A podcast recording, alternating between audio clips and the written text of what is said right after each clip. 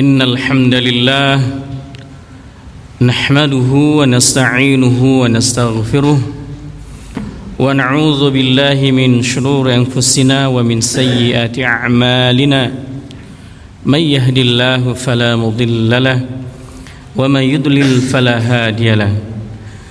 أشهد أن لا إله إلا الله وحده لا شريك له.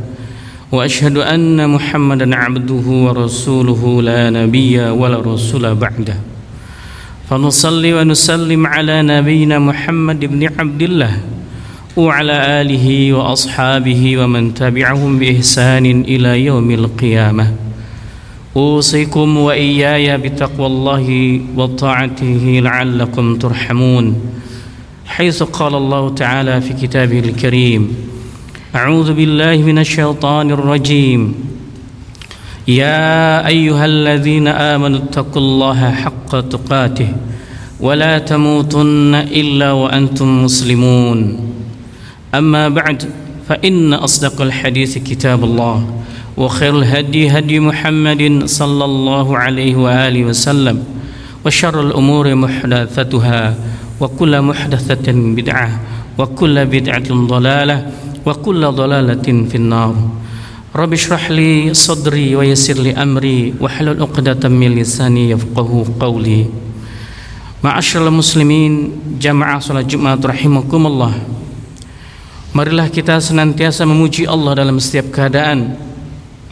Pujian yang sesungguhnya bukan pujian yang hanya dalam lisan semata Tapi pujian yang dibarengi dengan renungan dan hakikat di dalam amal perbuatan karena sungguh memuji Allah Subhanahu wa taala dalam setiap keadaan itu bagian dari sekian cara bersyukur kita kepada Allah Jalla wa ala.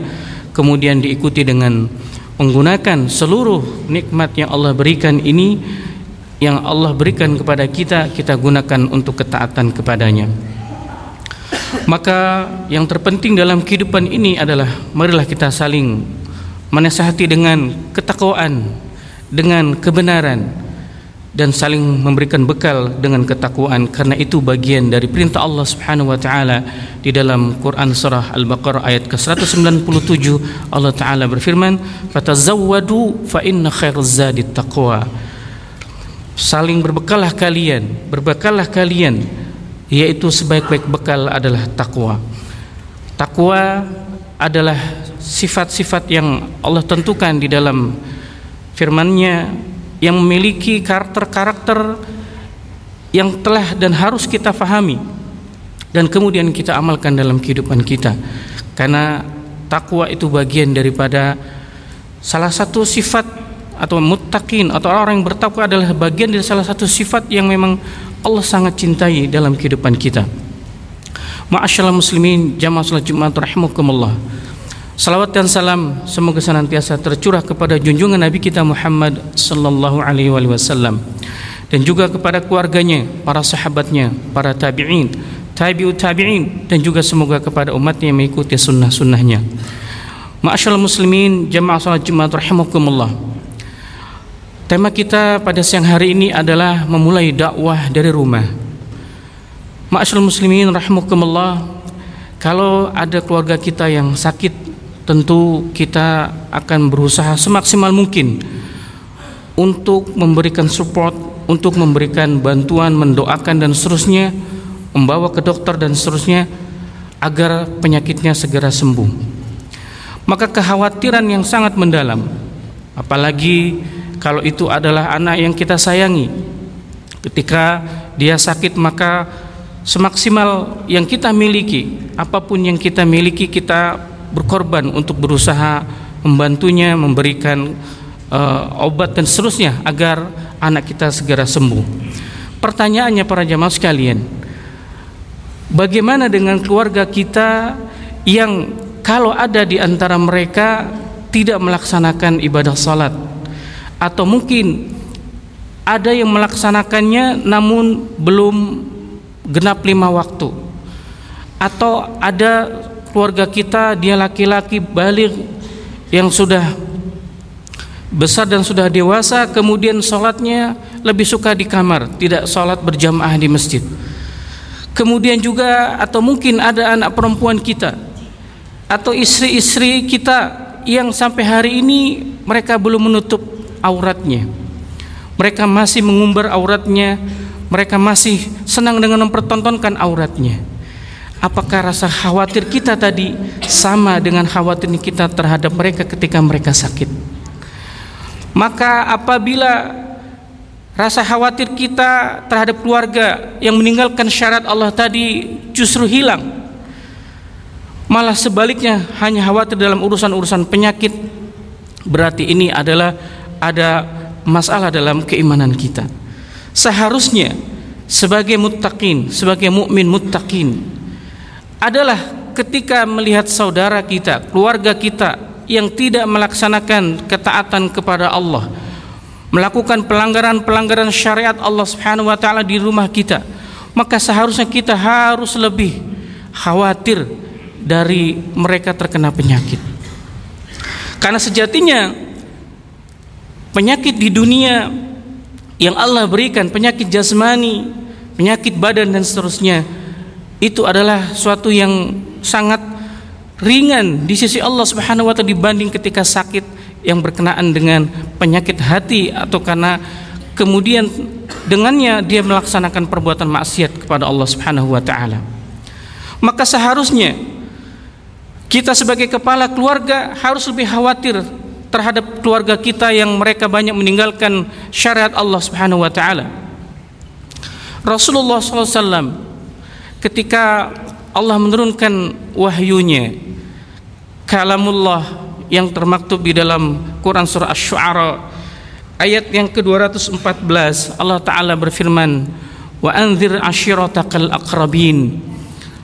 Peringatilah ingatkanlah keluarga-keluarga terdekatmu tentang kebenaran ini tentang al-Islam ini. Maka tatkala Rasulullah SAW mendapatkan wahyu tersebut kemudian Rasulullah SAW mengumpulkan keluarganya mengumpulkan anak-anaknya. Dan dia mengatakan wahai Fatimah wahai Safiyah wahai Ibnu Abdul Muttalib jagalah kalian semua dari siksa Allah Subhanahu wa taala dari jelatan api neraka. Karena aku la amliku syai'an ana la amliku naf'an wala dharra aku tidak bisa memberikan manfaat dan tidak bisa memberikan apa pun bantuan kepada kalian kecuali atas kehendak Allah Subhanahu wa taala. Maka selamatkan kalian semua dari jilatan api neraka Allah Subhanahu wa taala. Maknanya para jamaah sekalian Rasulullah SAW seorang nabi dan rasul yang Allah utus ke dunia ini maka tahapan dakwah yang beliau lakukan pun adalah Allah arahkan pertama kali senantiasa mengingatkan kepada keluarganya tentang kebaikan-kebaikan ingatkan kepada keluarganya agar taat kepada Allah Subhanahu wa taala. Maka begitu pula perintah ini adalah salah satu yang harus kita perhatikan. Dakwah yang terbaik, dakwah yang terhebat itu adalah tatkala kita bisa membawa keluarga kita seluruhnya kepada surganya Allah Subhanahu wa taala. Itulah hasil dakwah yang terbaik. Maka hendaklah kita harus khawatir sekali ketika ada dalam keluarga kita yang tidak melaksanakan ibadah salat, kita harus lebih khawatir takut kepada Allah ketika ada anak-anak perempuan kita yang sampai hari ini yang sudah dewasa belum bisa menutup aurat. Kita sedih. Kita merasa sakit hati kita. Takut kepada Allah Subhanahu wa taala ketika masih ada di antara keluarga kita yang belum bisa membaca Al-Qur'anul Karim. Inilah yang seharusnya menjadi kekhawatiran yang harus kita jadikan sebagai tujuan awal dalam kita berumah tangga itu adalah bagaimana membina diri dan keluarga kita agar mereka taat kepada Allah Subhanahu wa taala. Maka khawatir dan takut ketika mereka tidak bisa kita bawa ke dalam surganya Allah Jalla wa ala. Ma'asyallah muslimin. Banyak sekali kisah dari para salafun as-salih yang menjelaskan, yang menceritakan, yang mengisahkan kepada kita, yang memberikan pelajaran kepada kita. Sebagaimana yang diriwayatkan oleh Abdullah bin Mas'ud radhiyallahu anhu ketika Allah Subhanahu wa taala menurunkan firman-Nya Man dzal ladzi yuqridullaha qardan hasana fayudha'ifu lahu fayudha'ifu lahu mudha'afan. Ketika ini ayat turun kemudian didengar oleh seorang sahabat yang bernama Abu Dahdah Al-Ansari radhiyallahu anhu.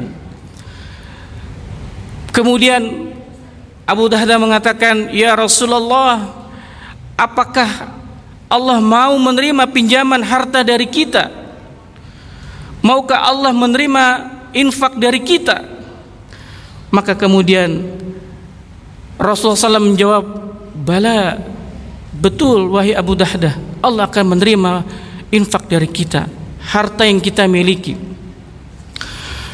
Maka kemudian Abu Dahdah radhiallahu anhu beliau mengulurkan tangannya dan mengatakan kepada Rasulullah SAW, Ya Rasulullah, ulurkan tanganmu. Kemudian Rasulullah menjabat menerima uluran tangan dari sahabat Abu Dahdah radhiallahu anhu ini. Dan kemudian Abu Dahdah mengatakan, Ya Rasulullah, saksikanlah hari ini. Aku akan meminjamkan seluruh hartaku yang aku miliki untuk Allah Subhanahu wa taala. Aku akan berikan semuanya untuk fi sabilillah. Dan kemudian Abdullah bin Mas'ud radhiyallahu melanjutkan kisahnya. Bahwa tahukah jamaah sekalian apa yang dimiliki oleh Abu Dahdah?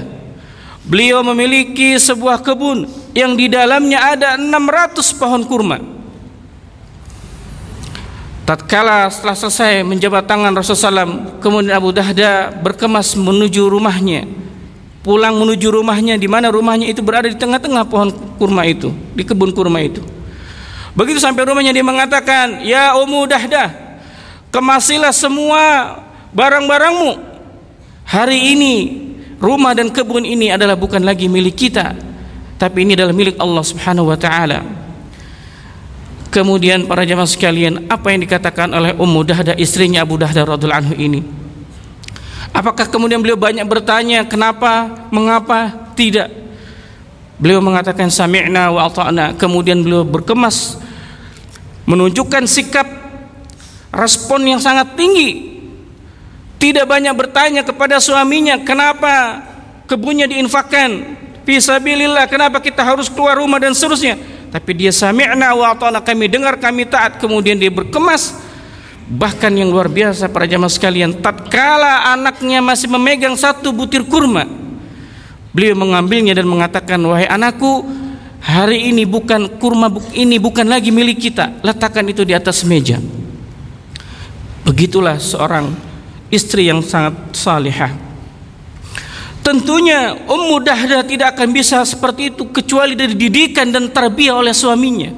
Itu gambaran keluarga yang taat kepada Allah Subhanahu wa taala. Suami dan istri yang saling mendukung dengan kebaikan.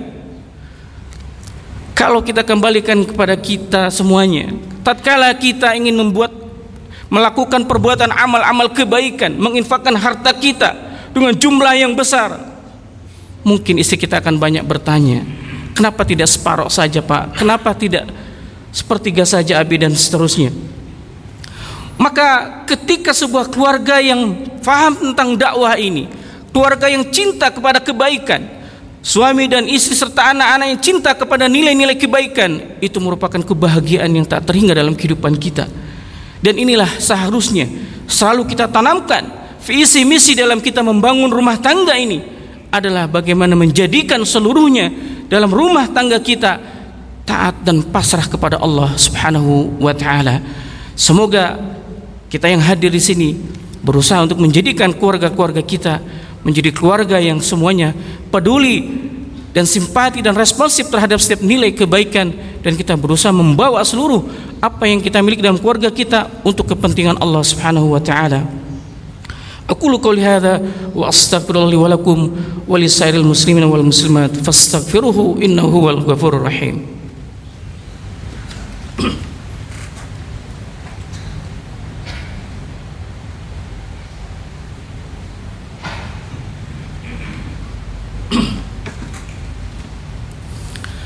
الحمد لله رب العالمين.